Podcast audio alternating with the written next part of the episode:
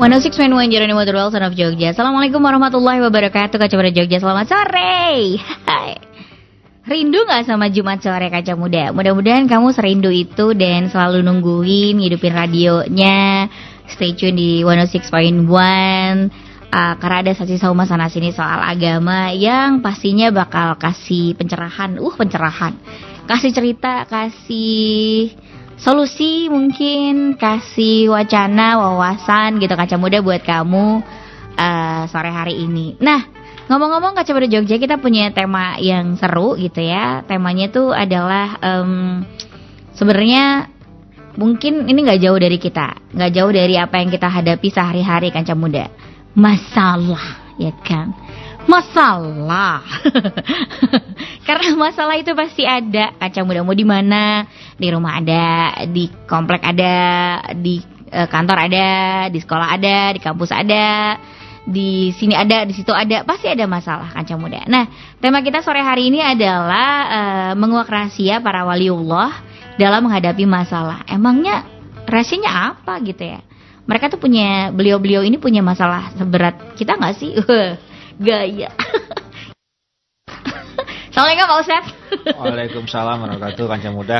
Uh, Kanca Muda, masalah itu atau problematika atau apa trouble atau apalah namanya itu adalah sebuah peristiwa momen yang Allah Subhanahu wa taala ciptakan untuk menguji hamba-hambanya. Jadi di setiap masalah itu pasti ada hikmah apa pun itu tanpa terkecuali. Nah, kali ini kita akan belajar kanca muda dari para waliullah Tentu waliullah itu sangat banyak sekali ya. Kalau kita bicara waliullah itu artinya adalah orang-orang terpilih kekasihnya Allah uh, yang dalam kesehari-hariannya beliau-beliau ini punya masalah yang sesungguhnya tidak kalah berat daripada masalah-masalah umat akhir zaman.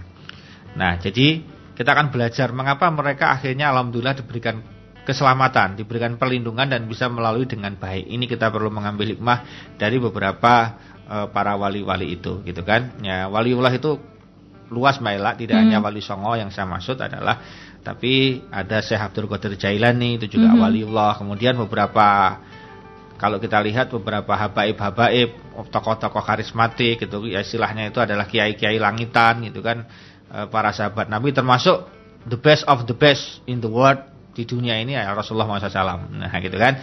Nah ciri utama kalau kita lihat kita langsung belajar dari master apa ya, core of the core-nya dulu core of the core-nya dari para waliullah itu ya Rasulullah sendiri. Mm -hmm. Nah, ketika Rasulullah SAW itu dalam posisi, bayangkan beliau ketika itu bersama Abu Bakar As-Siddiq, kemudian beliau um, apa namanya masuk ke gua gitu kan untuk ya istilahnya menghindar dari apa namanya kejaran kaum kafir Quraisy gitu kan.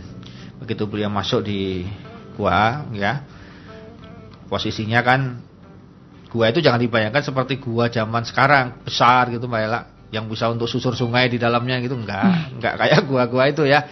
Gua zaman Rasulullah itu kalau panjenengan nanti ke sana ke gua Hiro ya gua Sur itu yang namanya enggak gua gede. Enggak jadi gua itu kayak semacam di atas perbukitan gitu. Mm -hmm. di atas kayak tebing-tebing gitu. Uh, ada bolongan kecil yang dibikin gitu atau celah kecil ya celah segitu itu. Jadi enggak kemudian lorong panjang gitu enggak bisa kayak bisa bisa ada jalannya terus ada harta karun. Nah itu itu cerita di televisi ada di buku-buku novel gitu kan. Ini enggak. Jadi yang namanya gua itu betul-betul hanya semacam kayak cekuan gitu mbak Ella. Hmm. ya kayak cekuan yang kemudian bahasa kasarnya. Kalau kita lihat langsung los gitu uh -huh. dia pas nggak nggak belok memang hanya itu itu kelihatan. Siapa di situ? Gitu loh. Jadi bayangkan Rasulullah sama Abu Bakar. Enggak kayak di film-film yang uh, cari harta karun. Iya, terus masuk guanya pakai oh, wow. Tidak hanya itu, guanya macam-macam jalannya. Ada yang di atas bawah. iya. Enggak ketemu lagi. Ini enggak, jadi sebenarnya gua-gua ketika ya, menyelamatkan gua Hiro, gua Sur gitu kan.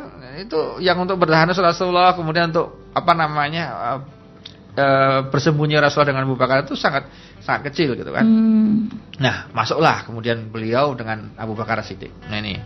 Nah, ketika itu uh, tentara kafir itu kan mendetek. Ini kelihatannya ke sana nih arahnya. Nah, kejarlah ke sana. Nah, yang namanya Abu Bakar itu sampai apa namanya? cemas khawatir kelihatan sekali. Bahasa kasarnya ini gimana ya Rasulullah ini nanti kalau kita ketahuan gitu kan. Mm -hmm. Karena ya nggak bawa wajar ya. nggak bawa pas eh, nggak ada pasukan satu lah. Yang kedua nggak ada persenjataan. Ya, kecuali kita bawa Rasulullah bawa senjata gitu kan cuma Abu Bakar, mm. senjatanya mungkin AK-47 yang pelurunya kelihatannya berapa diberontongkan berapapun nggak ada habisnya misalnya begitu kan atau pelurunya lebih banyak daripada yang mau grobyok gitu kan. Itu masih mungkin tenang ya. Ini ini posisi betul-betul sudah dikejar oleh pasukan, ya jelas punya pasukan, punya persenjataan komplit. Di sini tanpa senjata, Mbak Ella, mm -hmm. yang betul-betul masuk dalam gua. Dan itu memang apa namanya Rasulullah masuk ke sana. Mm -hmm. Nah, ketika dalam rasa gelisah itu Abu Bakar wajar ya sebagai manusia biasa juga beliau bertanya ya Rasulullah lagi kayak piye ini gimana ini? Coba kalau kita dalam posisi seperti itu problem nggak? Nggak hanya problem, itu sebuah masalah sangat besar, nyawa taruhannya lah. Mm-hmm. Apa kata Rasulullah di saat resah gelisahnya Abu Bakar Siddiq? Beliau mengatakan, "Ya Abu Bakar, la takhaf wa la tahzan. Innallaha ma'ana." Wahai Abu Bakar, jangan cemas, jangan khawatir, jangan galau, jangan gabut gitu kan. Yakinlah Allah bersama kita. Nah, kata kuncinya Mbak Ella, kalau kita mau menghadapi masalah cuma satu. Bagaimana caranya? Innallaha ma'ana. Itu aja cara nomor satu. Cuma itu aja caranya. Bagaimana agar Allah bersama kita. Hmm. Tenang saja Abu Bakar. Innallaha ma'ana. Kita bersama Allah, Allah bersama kita. Gitulah. Nah, kita nih maksud bisa kita keluarga, kita sendirian, kita teman-teman, kita grup, kita kelompok, kita perusahaan, kita negara, gitu kan. Kita itu dari kecil diri kita sampai kita yang sangat besar, Mbak Ella. Kalau mau masalahnya rampung, mau ndak mau Allah harus ikut di dalamnya, bersama berarti. Namanya orang bersama, kata kuncinya gimana? Kalau kita itu mau bersama, itu nomor satu apa sih Mbak Ella? Misalnya saya sama Mas Andi nih yang saat ini juga hadir di sini. Nah, misalnya saya bersama Mas Andi, berarti kan saya harus kenal Mas Andi. Saya juga harus ke rumahnya Mas Andi atau Mas mhm. Andi ke rumah saya atau kita makan bareng, kita senang bareng, ngobrol bareng ya, sama Mas Dayati misalnya. Mm-hmm. Kalau bersama itu berarti ya kita membangun komunikasi kan. Jadi mm-hmm. kata kunci kita bersama Mas Dayati, Mas Andi, sama Mbak Ella, sama siapa saja di juru ini adalah komunikasi kan. Gak bisa kan kita datang tahu-tahu cuma diem gitu kan. Lo siapa? Apalagi nggak pernah ngomong, sekali ngomong ketus lagi gitu kan. Mm. itu masalah sekali kan. Yeah. Nah, jadi kita harus posisinya mau ndak mau harus menjalin komunikasi dengan baik. Nah, caranya kalau kita belajar dari wali-walinya Allah, hampir semua wali Allah itu tidak fokus di masalahnya. Tapi fokus di hubungan dia dengan Allah kayak apa, gitu loh. Hmm. Nah, jadi Rasulullah pun begitu diserang, bukan diserang ya, ditanya sama Abu Bakar gimana Rasul? Ini tenang aja, Allah mana, Allah bersama kita. Nah, gitu kan. Jadi Allah dulu yang dipikirkan, bukan berapa orang di sana. Kira-kira hmm. lewat sini enggak? Aduh, nanti apa kita tiarap dulu ya? Rasulullah enggak bilang gitu loh. Apa kita tiarap? Atau kamu anu nempel di dinding yuk? Gitu kan Rasulullah nggak pakai strategi loh. Oh nggak ada? Nggak ada strateginya. Jadi Rasulullah nggak pakai strategi. Allah Rasulullah cuma bilang Allah ma'ana. Dan setelah Rasulullah bilang begitu, langsung Allah eh, apa namanya kirimkan laba-laba lah. Laba-laba itu kemudian apa namanya eh, segera membuat sarang secepatnya. Sarang itu di depan gua. Maka kemudian manakala tentara kafir Quraisy itu datang melihat gua itu ada ini ada apa, sarang laba-labanya. Oh, dan sarang laba-labanya nggak rusak. Dan sangat Jadi kecil. Ada, ah, ada orang masuk. Oh nggak mungkin di sini nih, nggak mungkin. Padahal suaranya buantar banget. Abu Bakar sudah deg-degan itu. Waduh, udah di depan ini, udah di depan ini. Tapi ternyata Allah kirimkan al-angkabut tadi, jadi lebah itu tadi. Apa kalau bapak nama? Uh, laba-laba. Allah kirimkan laba-laba untuk kemudian buat sarang dengan cepat. Nah, terbayang nggak oleh Abu Bakar ada laba-laba di situ? Enggak kan? Kepikir nggak? Enggak kan? Yang kepikir apa oleh Abu Bakar? Panik. Sekelas Abu Bakar panik. Wajar. Lah kita super wajar. Abu Bakar loh, dekat sama Rasulullah itu ring satu, ring nol mungkin ya. Dia betul-betul nempel 24 jam sama Rasulullah gitu kan ya, kecuali pas Rasulullah istirahat ya, gitu kan istilahnya. Itu betul-betul nempel, begitu Rasulullah keluar aja udah ditempel sama Abu Bakar gitu kan. Bayangkan, sekelas Abu Bakar ada paniknya. Kalau kita super panik itu sangat sangat wajar. Nah, kita belajar ternyata kemudian oh kalau kita punya masalah, fokusnya jangan bagaimana strategi menghadapi masalah. Fokusnya tapi, jangan sampai fok, uh, dalam bagaimana uh, cara agar masalahnya terurai, tapi strateginya adalah gimana cara Allah agar bersama kita. Hmm. dekat dengan kita atau kita mendekati Allah kalau bahasa kasarnya harusnya begitu jangan Allah kita itu harus mendekati Allah biar Allah dekat sama kita karena hmm. dalam hati kursi kita katakan barang siapa mendekat kepadaku dengan berjalan kata Allah maka aku akan mendekati hambaku itu dengan berlari keren gak jadi kita itu cukup mendekat sama Allah dengan jalan Allah itu langsung berlari kok Apalagi kalau kita lari ya. Nah, kata kuncinya Mbak Ella hmm. adalah kita dulu yang mulai, bukan Allah yang mulai ini loh. Uh. Ya, yang sering kita lupa, kita kan seringnya nunggu Allah mulai ya. Sopo kowe? Anda siapa? Makanya kita yang mulai makanya mulailah dengan ngajinya, mulailah dengan sholatnya, mulailah dengan sedekahnya, mulailah dengan istighfarnya, mulai dengan mulai mulai mulai harus mulai, harus start. Now sekarang dimulai itu kata kuncinya. Tanpa kita mau mulai bergerak mendekati Allah, maka mohon maaf, persoalan Anda itu misalnya terurai, terurainya itu adalah versi Anda dan nanti kena masalah yang lain aja lagi. Jadi misalnya lolos di A, nanti di B kena lagi gitu. Jadi nggak rampung-rampung masalahnya. Mm-hmm. Karena manusia itu ternyata pikirannya terbatas. Coba kalau kita rapat sebuah IO manten misalnya. Atau apalah kegiatan itu kita perlu panitia kan. Kenapa? Ternyata di otak kita yang sudah kita pikir A sampai Z itu ternyata A sampai Z-nya itu nggak seberapa. Masih ada yang kelewatan kan? Maka perlu rapat lah. Oh versinya Mas Dahil begini, Mas Andi begini, Mbak Ella begini, Mas Awan begini gitu kan. Mm -hmm. Itu kan ada versi masing-masing. Nah ketika ada versi, kaya kan. Nah kalau Allah itu sudah A sampai Z lah. Detail, clear, semuanya sudah dikondisikan. Mm -hmm. Nah maka kata kuncinya di menghadapi era apa pun, mau era sekarang, mau era yang datang, mau era kapan aja dan situasi apa aja, harus bersandar kepada Allah dan usahakan agar Allah itu bersama kita. Nah gimana caranya wali-wali itu merayu Allah, kan gitu kan, mm-hmm. mendekati Allah sehingga Allah itu ya mau merapat, ya kita merapat kepada Allah, tapi Allah itu istilahnya betul-betul connect dengan kita. Nah ternyata nomor satu, hampir semua wali Allah itu punya kualitas sholat yang di atas rata-rata. Nomor wow. satu itu. Nah itu nomor satunya di situ. Jadi kancang muda, kalau kita mau keren dan mendapat pertolongan dari Allah, maka tiurah waliullah. Kalau udah sholat lah, maka jangan kaget ya. Mohon maaf sekali, jangan tersinggung. Saya akan membahas di beberapa tempat teman-teman Nahdien, ya. Kalau saya bicara Nahdien, Anda jangan menuduh saya Nahdien. Karena saya Muhammad NO ya, Muhammadiyah dan NO maksudnya. Karena bapak saya itu NO Tulen, ibu saya Muhammadiyah Tulen, saya Muhammad NO. Oh iya iya, ya. oke. Okay. Jadi collaboration. Kalau, ya. saya bicara Nahdien itu berarti sedang bicara baiknya dari teman-teman Nahdien harus kita ambil. Nanti suatu saat akan bicara Muhammadiyah, maka baiknya Muhammadiyah kita ambil. Kalau kita bicara masalah apa pun, ambil baiknya, jangan ambil buruknya. Karena apa? Kalau kita sudah mengambil buruknya, maka kita nggak pernah bisa menerima kebenaran. Gitu loh Mbak. Walaupun ada buruknya, misalnya kita menemukan, jangan diumbar. Gitu Mbak Ella. Mm -hmm. Nah kalau kita mengumbar, itu berarti kita sedang memakan daging kaum muslimin yeah. sendiri. Oke? Okay? Nah, di teman-teman Nahdien ini kita jumpai tempat sholat di rumahnya itu spesial-spesial lah. Ada ruangan khusus yang dia bikin, ada gambarnya, lambangnya Nahdlatul Ulama itu Mbak Ella. Mm -hmm. Ada gambarnya bumi, ada tasbihnya begitu. Ini ini pengalaman di Simbah saya ya, di Madiun sana ini. Kemudian tempatnya itu bisa untuk jamaah biasanya dua atau tiga orang gitu Mbak Ella. Mm -hmm. Kemudian pasti ada sajadah-sajadah komplit, terus mesti tasbihnya banyak gitu tasbih-tasbihnya gitu kan. Simbah saya sendiri Mbak Ella, itu kalau sudah namanya sholat Mbak Ella, itu yang namanya sholat itu nggak pernah nggak pernah sebentar Mbak Ella, lama sekali.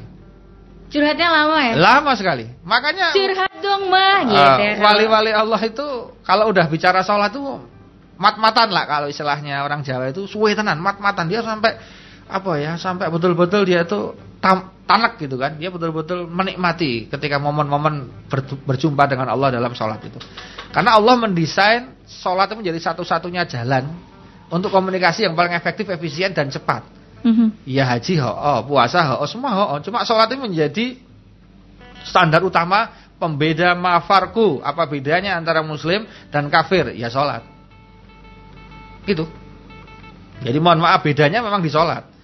Ketika kita ngaku Islam tetapi tidak sholat, maka labelnya jadi kafir. Mm -hmm. Makanya bedanya kafir dengan tidak kafir itu hanya di sholatnya. Karena perilaku yang, yang lain bisa ditiru Pak Ela. Umat Islam sedekah. Umat lain Nah, namanya donasi, namanya perpuluhan, kadang mereka lebih besar duitnya yang disodorkan Iya. daripada kita. Iya. Sorry loh ini. Kita dua setengah persen. Iya, iya. Dia orang sepuluh persen. 10 persen luar Loh, biasa. Ini mohon maaf, kalau kita bicara amaliyahnya yang lain, mungkin hampir mirip-mirip gitu kan. Ada ada ada bisa ditiru lah. Nama apalagi ibadah sosial, mereka lebih jago kadang-kadang, Mhm. gitu kan.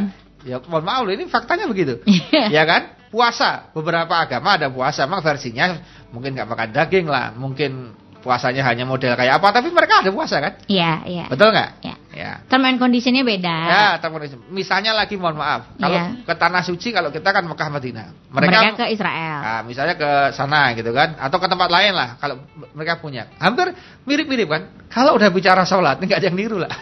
Iya, iya. udah beda gitu kan. Makanya, nah itu kata kuncinya kalau kita mau jadi seperti walinya Allah, maka kalau kita sholat harus di atas rata-rata. Nah, ternyata Di atas rata-rata tuh lebih Gini. ke apa aja sih? Misalnya kusuk apa? Kusuk. Sholat itu terus oh wow. enggak, enggak, enggak, enggak begitu-begitu amat. Rukuknya Enggak. lama, sujudnya lama, Cirinya, Mbak doanya Ella, dipanjang-panjangin gitu. Ya, ciri- Harokatnya ya. padahal enggak gitu. Gimana? cirinya ini sudah saya sarikan dari beberapa literatur. Salah satu ciri kalau agar sholat kita di atas rata-rata adalah kita menunggu waktu sholat. Bukan sholat menunggu kita.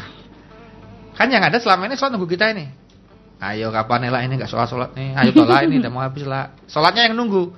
Nah ini enggak. Orang-orang yang punya di atas rata-rata dia nunggu sholat. Hmm, Maghribnya oke. jam setengah enam. Dia sebelum setengah enam udah ready dia. Hmm. Ya nunggu dia. Ya, ya ada yang di rumah, ada yang di musola, ada yang di masjid, dia nunggu. Maka lihat perilaku orang di Masjidil Haram dan Masjid Nabawi, semuanya hampir menunggu sholat. Gak ada orang di sana itu adan lagi mangkat tuh, nggak ada, jarang. Kecuali memang Eh, maaf, Ju, di kita tuh enggak adzan berangkat. Komat. gitu kan.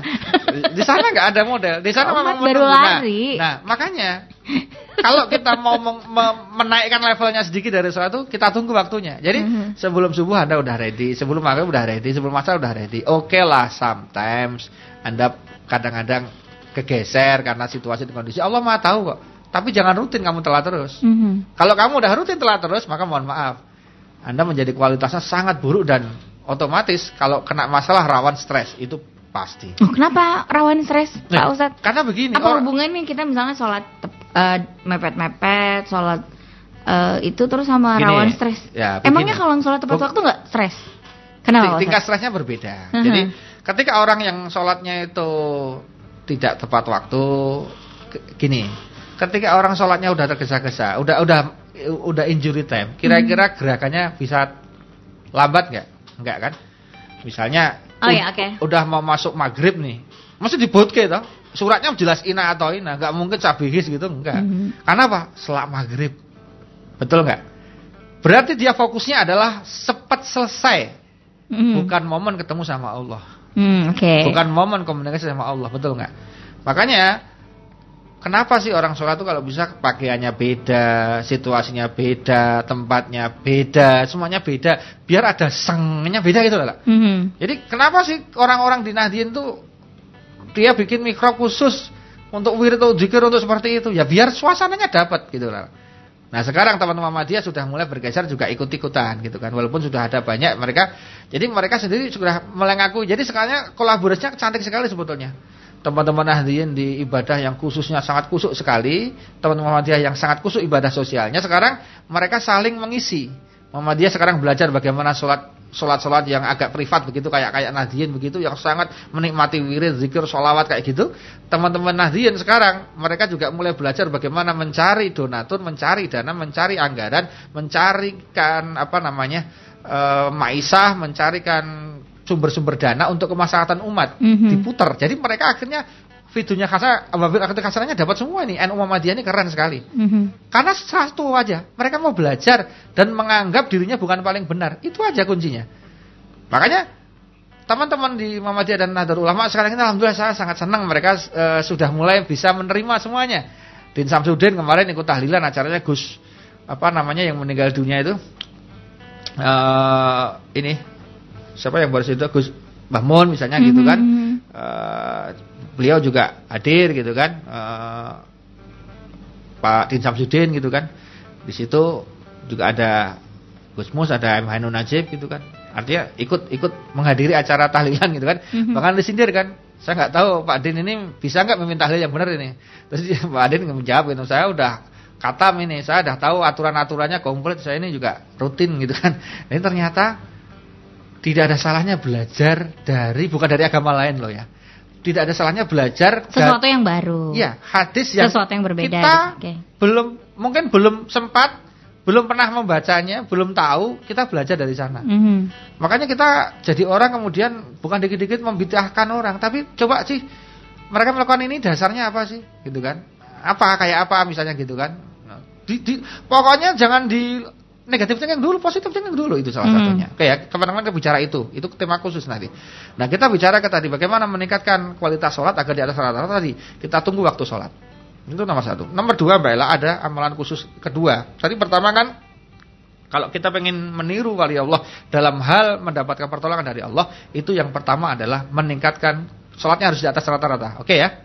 Nah yang kedua Mbak Ella, yang kedua itu adalah waliullah itu pasti tahajud. pasti ada tahajudnya Mbak Ella, ada sholat malamnya Mbak Ella. Jadi sekarang ternyata syaratnya naik. Kalau tadi sholat kusuk, sholat wajibnya harus di atas rata-rata, sekarang ditambah. Ternyata sholat wajib itu bukan nggak cukup Mbak Ella, tapi kurang powerful. Ibaratnya kita sudah punya mobil tapi olinya masih kurang maksimal gitu kan, pakai oli yang Hmm. standar, nggak oli yang kelas bagus. Kemudian semua item-itemnya itu nggak di nggak di tune up, nggak di apa, nggak di aksesoris dengan bagus. Istilahnya itu paketnya bukan paket yang seri tertinggi dari mobil itu kan. Kita pakai seri terendah kalau sholatnya hanya kusuk tok. Makanya perlu tambahan multivitamin, suplemen Mbak Ella. Nah suplemen dari waliullah itu pasti ada sholat malamnya. Mhm. Maka kata kuncinya itu sing jenenge wong istimewa, jare wong Jawa, mbah-mbah mbiyen karo sing pujangga-pujangga dulu sing ampuh-ampuh itu mesti kuat di dua hal Mbak Ella. Nanti sama yang ketiga, yang ketiga nanti segmen kedua. Oke. Itu yang pertama adalah tadi kuat melek. Wani melek. Wani melek tuh Wani buat melek. tahajud. wani melek itu berarti dia kuat tidak tidur di malam hari. Artinya tidak tidurnya bukan nggak ada tidur sama sekali, maksudnya yang lain tidur dia sholat. Hmm. Namanya sholat tahajud. Hampir semua waliullah Nabi beda bahkan bedanya Nabi dengan kita itu apa? Nabi itu tahajudnya wajib, kita sunnah. Mhm. Nah kalau kita walaupun sunnah tapi dipaksa wajib, maka mirip-mirip dengan Nabi. Artinya pertolongannya akan sama. Nanti saya diberikan pertolongan sama Allah, walaupun tidak bisa sama. Pasti nggak bisa sama, saya jamin nggak bisa sama karena beda. Kita bukan Nabi, bukan Rasul. Tapi minimal kita punya kualitas hidup yang mirip-mirip. KW nggak apa-apa deh ya. Lumayan KW sama daripada sama sekali nggak. ada KW-nya Mbak Ella. Mhm. Jadi kita KW Nabi lah. Kita KW wali-wali kan lebih keren daripada nggak ada KW-KW-nya sama sekali. Nah, makanya kita lazimkan tahajud. Nah, kalau udah bicara tahajud itu jangan langsung mengen, apa, ngerenyitkan dahi dulu. Wah, tuh ternyata para wali-wali bahkan Rasulullah sendiri itu juga punya strategi. Jadi ketika Rasulullah itu sampai rumah itu terlalu larut, Mhm. takut nggak bisa tahajud, Rasulullah nutup dengan witir. Langsung witir dulu aja. Sehingga menjadi asuransi kalau nanti nggak bangun bangunnya pas subuh gitu loh lah. Mhm. Keren kan? Jadi Islam selalu punya solusi. Siapa bilang sholat tahajud itu susah? Enggak, sebetulnya kalau kita mau. Nah kadang orang tahajud itu kalau punya keinginan yang kuat atau kepepet hidupnya itu baru mau.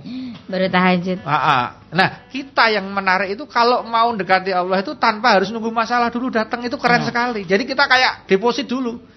Kayak asuransi kita bayar premi dulu, tahajudnya dibayar dulu, apa-apa dibayar dulu sehingga nggak sempat ada masalah. Kalau ada masalah yang tadinya berat jadi agak ringan. Bahkan nggak ada sama sekali. Dan mohon maaf, kita hampir temui para wali-wali itu masalahnya itu hampir tidak ada. Ketika ada mau diserang nggak jadi, ketika ada ini bisa ngatasi, semuanya itu lancar saja. Betul nggak? Mhm. Lancar saja. Lihat para wali songo gitu kan, ada pemberontakan, ada ini, dia lancar aja, dia nggak ada masalah. Hidupnya tuh selalu menjadi pusat. Karena yang dideketin adalah pemberi solusi. Ya, sumbernya. Nah, nah, nah tadi tahajud itu menjadi hampir ritual wajib para orang-orang terdahulu yang soleh-soleh. Itu warisan yang tidak pernah, yang sangat valid di Quran ada, di hadisnya melimpah, dan itu bisa dibuktikan dengan dilaksanakan. Nah, coba aja nggak percaya. Mbok utangmu setumpuk apa pun, ketika ada tahajud nggak pernah bolong. Jangan tanya nanti. Kecuali pas menstruasi ya, Anda berhenti, kemudian ketika Anda sudah suci kembali lagi itu keren sekali. Mhm, mhm. Allah Subhanahu wa taala hadis kursi mengatakan jika ada hambaku yang datang meronta-ronta meminta kepadaku setelah tahajud, tidak aku kabulkan maka aku yang malu kata Allah. Keren kan?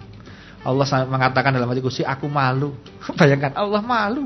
Kalau ada orang datang itu kan kayak kayak gini lah. Ada miliarder, triliuner lah. Orang asetnya itu udah uangnya itu cash on hand itu T lah. Terus ada orang oh, oh paringan den gitu kan.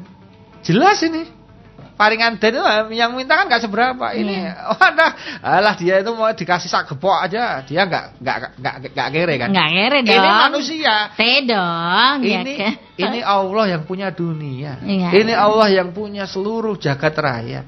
Diminta sama manusia yang sangat kecil, yang sangat doif, yang sangat naif, yang kebutuhannya cuma itu itu aja kan omah, mobil, duit. Oh, ngono-ngono gitu. Kebutuhannya itu enggak ada sing rada aneh-aneh to. Makanya Utang lunas ngono. Oh, ngono gitu. Kebutuhannya kan enggak yang aneh-aneh kan sebetulnya. Iya, iya. Sebetulnya kan lebih ke material kan. Makanya orang kalau udah melampaui, nanti kita bicara kemarin tentang sufi itu, kalau udah melampaui itu dia doanya sudah levelnya level langit semua. Ya Allah, mudahkan hisabku, mudahkan sakaratul mautku, berikan husnul khotimah, jangan sakit dalam sakaratul maut, berikan nikmat kubur. Wis ngono ku dungane iki wis Ora perintilan. Next, next chapter bisa. Wes ora donga sing kene meneh. Bukan berarti dia nggak punya apa-apa loh di sini. Dia punya mungkin atau istilahnya dia tetap tetap tetap aja di ikhtiar tapi dia lebih fokus ke sana. Ini kalau kita levelnya udah naik ke sana itu keren sekali. Karena apa? Karena dunia lain pun lawalah pun dunia itu memang sendagura dan main-main saja. Ya, oke, kembali ke tadi. Jadi tahajud itu menjadi menu wajib kalau kita mau seperti waliullah. Hampir semuanya itu ada, ada tahajudnya. Rasulullah itu kalau tahajud sampai luar biasa. Dan mohon maaf sekali ya Anda-anda yang merasa rumahnya kecil saya ingatkan hari ini saya ingatkan. Rumah ya, Rasul kecil. Saya ingatkan ya. Kalau Anda merasa kamar Anda saat ini kecil Saya ingatkan. Rasulullah SAW itu ketika beliau sholat Istri kedua beliau.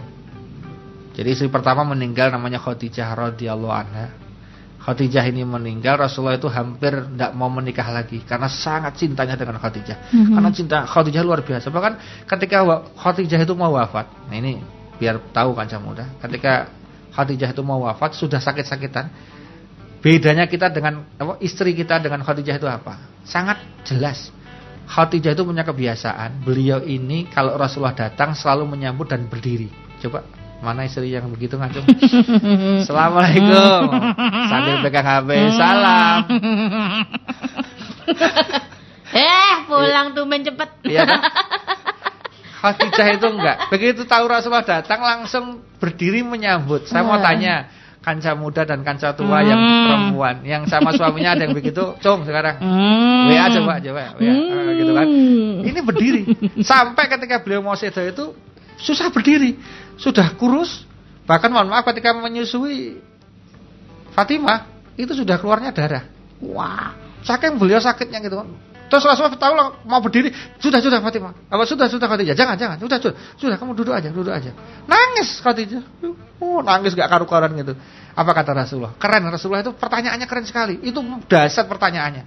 Ya Khadijah, apakah engkau menyesal punya suami aku? Oh, Ndi bapak-bapak muni ngono aja. Bojone lho nangis tak takon. Nangis ngono kuwi kan takone ngopo nangis? Kurang duit mesti. Mbok ki ora golek duit gampang. Rasul Rasulullah enggak. Rasulullah begitu lihat nangis itu langsung tanya. Ya Khadijah, apakah kau menyesal bersuamikan aku? Keren kan pertanyaannya? Apa ada suami-suami gitu kalau suami istri sedang depis gitu, coba ditanya. Kok nyesal bawa bune? Dek, karo aku. Oh, nyesal karo aku? Tak golek nih. Jadi malah dia yang golek. Gimana? Rasulullah tanya, ketika itu nangisnya sampai menjadi terus bilang, "Ya Rasulullah, aku menangis bukan karena itu." Karena Rasulullah bilang, "Apa engkau menyesal ya, ya Khadijah punya suami aku?" Dulu engkau orang kaya, setelah menikah dengan aku hartamu habis. Kemudian dulu engkau terpandang, sekarang engkau menjadi orang yang sangat biasa bahkan terhina oleh orang-orang kafir Quraisy. Apa engkau menyesal dengan ketenaranmu waktu itu? Kegagahanmu dalam hal bisnis, gurita bisnis waktu itu. Ternyata kata Aisyah, aku nggak menyesal, aku nggak nangis. Kok Aisyah sih? Eh, apa Khadijah? Aku nggak menyesal karena itu. Aku menyesal, aku menangis ini ya Rasulullah karena aku tahu engkau masih jauh perjuanganmu, masih panjang engkau berjuang, tapi hartaku udah habis untuk menyuplai dirimu. Keren gak? Ya Rasulullah, jika aku nanti mati, meninggal dan engkau akan berdakwah dan engkau membutuhkan jembatan untuk melewati laut atau sungai, maka tolong gali kuburku ya Rasulullah. Ambil tulang-tulangku sambung-sambungkan untuk jadi jembatanmu. Masya Allah. Di ono bojo. Makanya persis begitu Siti Khadijah wafat, Rasulullah hampir nggak mau menikah lagi loh, Pak. Oh, jadi udah di, uh, itu dibujuk. punya beberapa sudah, istri itu setelah Khadijah wafat. Oh. Dan setelah Khadijah wafat itu hampir tidak mau menikah, istilahnya sudah oh serasa lah, wis apa semedot. Nah inilah, maka istri yang luar biasa itu membuat suaminya nggak akan menikah lagi loh. Hmm. Tolong dicatat itu. Maka kalau suami segera menikah, berarti dulu ada apa itu kan? Hmm. gitu kan? Nah ini ini ini ini, ini keren ini. Nah terus gini. Eh kita iklan loh nih Pak Ustadz. Oh, oh iya ya sudah. Kita teruskan ya. Khadijah nanti, nanti jangan lupa. Wah ke mana-mana loh nanti. Tahajudnya lupa loh nanti. oh, iya. Eh, Oke okay, nanti kita masih cerita-cerita kacau Jogja dan uh, temanya masih sama gimana caranya waliullah menghadapi masalah ketika mendapatkan masalah nih kacau Jogja. So stay tune terus barengan sama El Arlika dan Ustadz Munif Tauhid. One six point one Jeremy Wadrol Jogja. Balik lagi di saya sama sana sini soal agama nih kacau Jogja. Hehe. Gimana udah nungguin? Tadi ada pertanyaan juga nih Pak Ustadz. Uh. Jadi ada yang nanyain tadi poin pertama apa ya gitu. Hmm. Poin pertama apa uh, pendekatan waliullah itu ke Allah tuh apa gitu. Hmm. Pendekatan pertamanya adalah uh, level sholatnya uh, harus di atas rata-rata. Di atas rata-rata. Yeah. Beliau-beliau ini hmm. emang uh, luar yeah. biasa hmm. istimewa hmm. kalau sholat. Hmm. Enggak nung, mereka nunggu sholat, bukan yeah. ditunggu sama sholat. Itu yang pertama tadi ya. Itu, Oke, berarti kita lanjutin cerita soal Khadijah sama ya. tahajudnya Nabi Muhammad ya, ya. Pak Ustaz.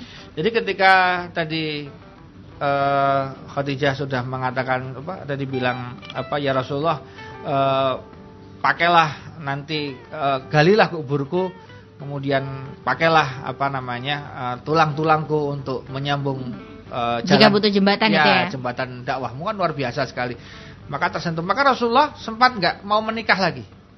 Dibujuk akhirnya Ketika dibujuk luar biasa akhirnya ya Rasulullah, engkau nggak menikah ya kasihan anak-anak, anaknya enam. Rasulullah itu anaknya enam, anak masih kecil-kecil kalau nggak menikah nanti gimana gitu kan? Akhirnya dengan bujuan dari ring satunya beliau, para keluarga besar gitu, akhirnya Rasulullah mau akhirnya mau menikah. Mm -hmm. Yang dinikah itu tahu nggak umurnya Mbak Ella? 65 tahun. Mm -hmm. Jadi istri kedua Rasulullah itu 65 tahun. Itu adalah orang yang awal-awal Islam dia termasuk disiksa di awal-awal dan istri ini, istri yang kedua ini e, suaminya meninggal di medan perang ketika sedang berhijrah. Luar biasa kan? Jadi yang dinikahi Rasulullah itu adalah nenek-nenek usia 65 tahun. Hmm. Itu istri kedua. Maka kalau ada yang menuduh Rasulullah itu, mohon maaf ya, wah nafsuan. Oh. Ini simbah-simbah yang dinikahi 65 tahun. 65 tahun waktu itu berarti Nabi itu masih 30-an ya, ya, ya 30 karena kan meninggal umur 40 ya, kan? Iya, iya, iya, separuhan ya. kan istilahnya. Terus dan istri yang kedua ini badannya besar Mbak Ella, tinggi gitu kan. Mm -hmm. Nah, sehingga Rasulullah kalau kalau bertahajud, mereka kan tahajud kan tahajud kalau malam. Itu hidungnya istri itu nempel selalu nempel di kaki. Enggak, di sini, di apa? Di... Punggungnya Rasulullah. Oh. Jadi jegler gitu kan. Betapa Rasulullah rumahnya kecil. Hmm. Kecil sekali sampai istrinya itu selalu nyenggol apa namanya? Uh, kesenggol. Kesenggol. Jadi kalau ruko mesti kena ini ya punggungnya Rasulullah. Itu berkali-kali. Dan yang menarik, inilah istri yang menurut Rasulullah paling bisa apa bikin gojek. Jadi istri yang paling humoris itu nih. Jadi kalau suka bercanda gitu, ya Rasulullah, hidungku berdarah nggak kalau habis sholat itu? Tanya sama Rasulullah, hidungku berdarah nggak? Rasulullah tertawa. Jadi Rasulullah kalau mengenang istrinya yang kedua ini, karena istri Rasulullah itu punya spek masing-masing. Ada yang, ada yang jago masak, ada yang cantik. Yang cantik kan Aisyah sama Zainab gitu kan. Hmm, ada hmm, punya spesifik masing-masing. Jadi kalau Anda menuduh Rasulullah itu awas itu ngawur ya. Baca dulu sejarahnya bagaimana istri Rasulullah itu ternyata punya spesifik masing-masing. Mm -hmm. Nah, gitu kan. Cuman memang yang paling terkenal dua, Khadijah ya, sama Aisyah. Ya, itu kedua. Karena kedua itu ternyata yang satu nggak cemburu, yang satu cemburunya luar biasa. Mm. Pernah satu saat ketika Rasulullah itu sedang santai gitu kan. Rasul, uh, Siti Aisyah itu di dipeluk tidur di uh, apa dipeluk kemudian Rasulullah itu tidur di anu di dadanya di, di sini di apa? Di paha. Di pahanya si Aisyah gitu mm -hmm. kan. Ya Aisyah mau nggak tak tak ceritain masalah Khadijah ya mau gitu kan. Hmm. Tahu nggak? Ketika itu aku baru pulang mendapatkan wahyu, aku baru pertama kali lihat yang namanya malaikat Jibril dalam bentuk yang asli. Aku lihat malaikat Jibril, aku takut sekali. Aku kemudian menggigil turun dari gua itu. Aku di jalan sudah di depan rumah sudah ngomong selimuti aku, selimuti, selimuti aku, gitu kan? Begitu bilang selimuti aku, selimuti aku itu ternyata sampai rumah itu nggak ada selimut. Tapi kemudian Aisyah apa sih Khadijah itu kemudian mendekap memelukku dan setelah itu aku hangat dan aku tentram, aku nyaman gitu kan. Langsung Siti Aisyah itu mohon maaf ya kepada Rasulullah itu wes kono Cerita aku terus balik-balik. Jadi tamburu gitu. Dia nggak bilang, wes tahu. Nah, dia, dia tangannya langsung ini. Iya. Wah, jelas, gitu. Oh, iya. Nah, ketika seperti Karena itu, cemburu terus ya. Cemburu terus bilang, kamu itu bilang Khadijah terus dibilang kan Khadijah kan sudah tanggal giginya. Tanggal giginya kalau menurut Karena orang sudah Arab itu enggak tanggal gigi. Orang Meninggal. sudah tanggal giginya diceritakan terus. Orang Hmm. sudah meninggal kok ceritakan terus. Oh, Bukankah engkau udah dikirimkan penggantinya aku ini loh, lebih muda. Ah, Khadijah itu pernah dipegang sama orang. Istrimu yang berdua pernah dipegang sama orang. Aku belum pernah dipegang sama orang. Hmm, hmm, hmm.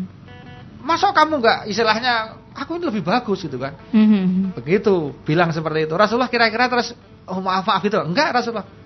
Tutup mulutmu Aisyah. Hmm. Tidak ada istri-istriku yang bisa mengalahkan Khadijah. Diem Aisyah. Hmm. oh, ternyata ada perdebatan dalam poligaminya Rasulullah. Hmm. Tidak. Tapi kan juga jaraknya cukup jauh iya, iya. Khadijah. Artinya perdebatan di sini Mhm. manusiawi ya, manusiawi gitu kan. Itu. Kapan-kapan kita bicara istri-istri Rasulullah. Boleh, boleh, boleh Pak Ustadz seru kayaknya. banget deh. Nanti nanti ya. sabar. Pasti kan ada pelajaran dari istri-istrinya Iya. dan bagaimana beliau Oke, memperlakukan istri-istrinya. eh, yang ketiga belum loh Pak Ustadz. Yang ketiga adalah Yang kan yang pertama itu level sholat di atas rata-rata. Yang kedua adalah tahajud. tahajud. Ya, nah tadi saya bilang orang Jawa punya istilah nek pengen ampuh kuduane melek wengi, kuduane ngelih. Ngelih itu puasa, Berarti yang ketiga puasa. puasa. Nah, kalau kita bicara puasa, kenapa puasa? Mohon maaf sekali. Dalam agama lain puasa itu ada, tapi hanya berapa hari, hanya berapa lama, hanya puasa apa? Kalau di Islam kan puasa jelas, Ya. hampir berapa jam? Kalau kita bicara jam, misalnya kita mulai dari setengah lima sampai setengah enam, berarti itu berapa jam itu Mbak Ella? Kita ke- lima, Setengah lima sampai setengah enam. Setengah enam. Lima ke delapan jam ya? Ya, Ke dua belas sih? 12. Oh dua belas ya? Iya, 12 13 jam. Iya. Dalam jadi Oh, orang, iya, orang orang-orang terdahulu itu puasanya pasti keren. Ya Senin Kemisnya, ya Dawudnya, ya ama ayamul budnya. Termasuk puasa Syawal. Makanya kanca muda yang hari ini masih tanya sama saya, Ustadz yang betul nyawal dulu atau nyaur dulu? Yang betul kamu puasa langsung aja, nggak usah tanya-tanya nanti eh, habis awalnya kamu nggak nyaur ya nggak nyawal kan masalah. Kan banyaknya cuma tanya aja. Yang betul mana dulu tak nyawal dulu atau nyaur dulu? Nyawal dulu atau nyaur dulu? Hmm. Tapi nggak nggak nggak eksekusi. Akhirnya habis awalnya ya nggak nyaur ya nggak nyawal-nyawal kan masalah kan. Jadi puasa itu ternyata menjadi pembeda yang sangat jauh. Kenapa Mbak Ella? Karena puasa itu kata Allah langsung aku yang memberikan benefit bukan orang lain. Mhm. Kalau yang lain itu kan benefitnya diberikan ada pahalanya, tapi rinci Allah langsung berarti Allah itu nggak merinci pahalanya karena aku langsung beri. Mhm. Misalnya nih, kalau orang tahajud Allah angkat derajatnya ada nih, Mbak Ella. Mhm. Allah eh, kita sedekah Allah lipat gandakan sedekahnya 7, 70, 700 bahkan lebih Allah ada itu. Ya kan? Kamu duha Allah permudah rezekinya gitu kan? Kamu hajat apa sholat hajat Allah mudahkan hajatmu gitu kan? Mhm. Nah, kalau untuk puasa itu nggak ada benefitnya, kenapa? Karena Allah mau ngasih langsung. Nggak mau perantara aku sendiri langsung ngasih. Kenapa? Karena orang puasa itu orang yang sangat tulus sekali. Kenapa? Nggak ada orang tahu loh lah kalau dia puasa sama enggak, kecuali ditawari makan. Iya betul. Kecuali ab- ababe ketok breng wah iki. Iki poso itu kelihatan. Tapi kalau dia misalnya nggak ngomong, nggak ketahuan bau mulutnya, mungkin orang nggak ngira kalau dia puasa, Mbak Ella. Berarti kan orang puasa itu sangat privat kan. Nggak ada kan orang puasa itu apa pamer-pamer. Maka saya mohon dengan hormat agar puasa sunnah kita itu aman, jangan pernah Anda posting. Ah, selamat berbuka ya. Hari Senin ini batal kamu puasanya. Nggak bilang diem aja. Biar kelihatan ya tuh Pak Ustadz mah semua sekarang tuh mah harus diupdate foto harus diupdate apa-apa juga Ya. harus di- makan diupdate ngapain diupdate semua harus diupdate Pak Ustadz biar semua orang tahu. Hmm, ya, makanya hati-hati. Itulah yang membuat kita kadang-kadang zong itu kan. Makanya kenapa? Karena puasa Tapi kalau misalnya kita nggak mengupdate apa saja termasuk puasa itu jadinya so nggak? Maksudnya apa pun yang kita lakukan mau ke mana, kayak keluar ke mana, diupdate apa kapan, ke update gitu. Terus puasa Gini, juga gini. kita. Ya. Itu jatuhnya jadi ria nggak sih atau kalau puasa Ramadan kebiasaan atau Bentar, kalau puasa Ramadan itu sebetulnya diupdate nggak diupdate nggak ada masalah karena semua orang tahu sedang Ramadan. puasa? Yang oke. saya maksud puasa sunnah.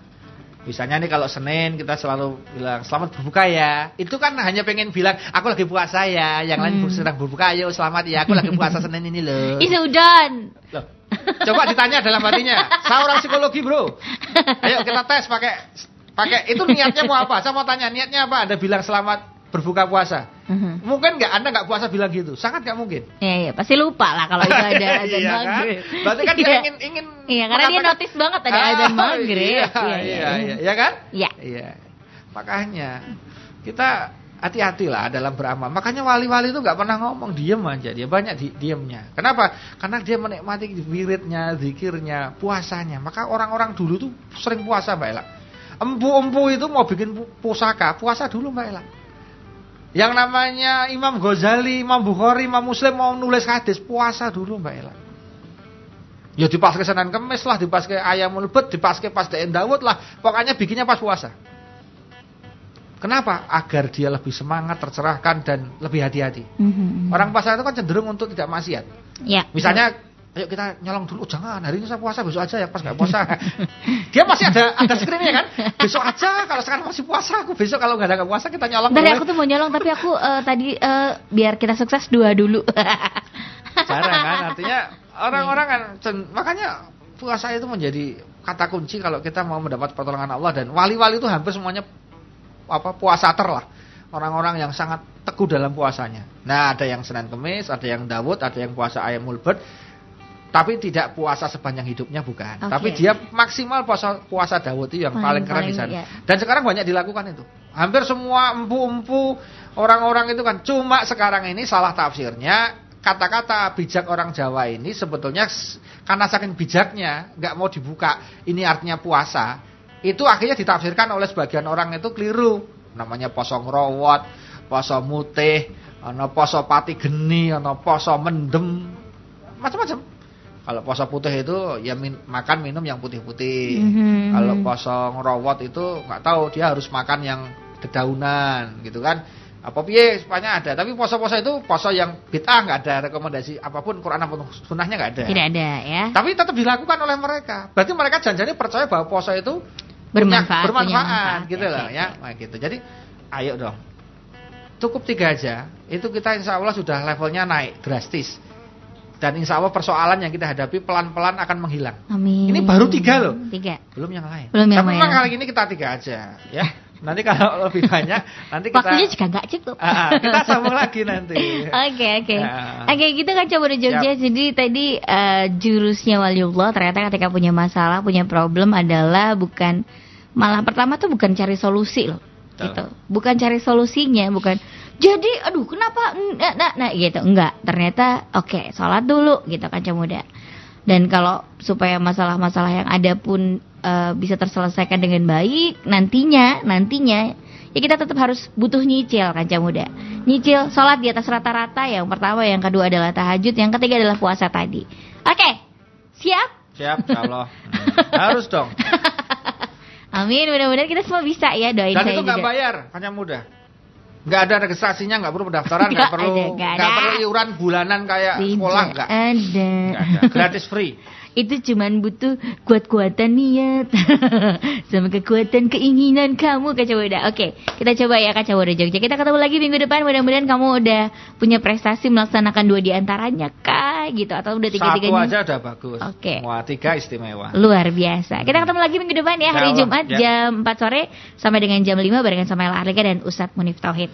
Oke, Assalamualaikum warahmatullahi wabarakatuh. Love Jogja and you. Bye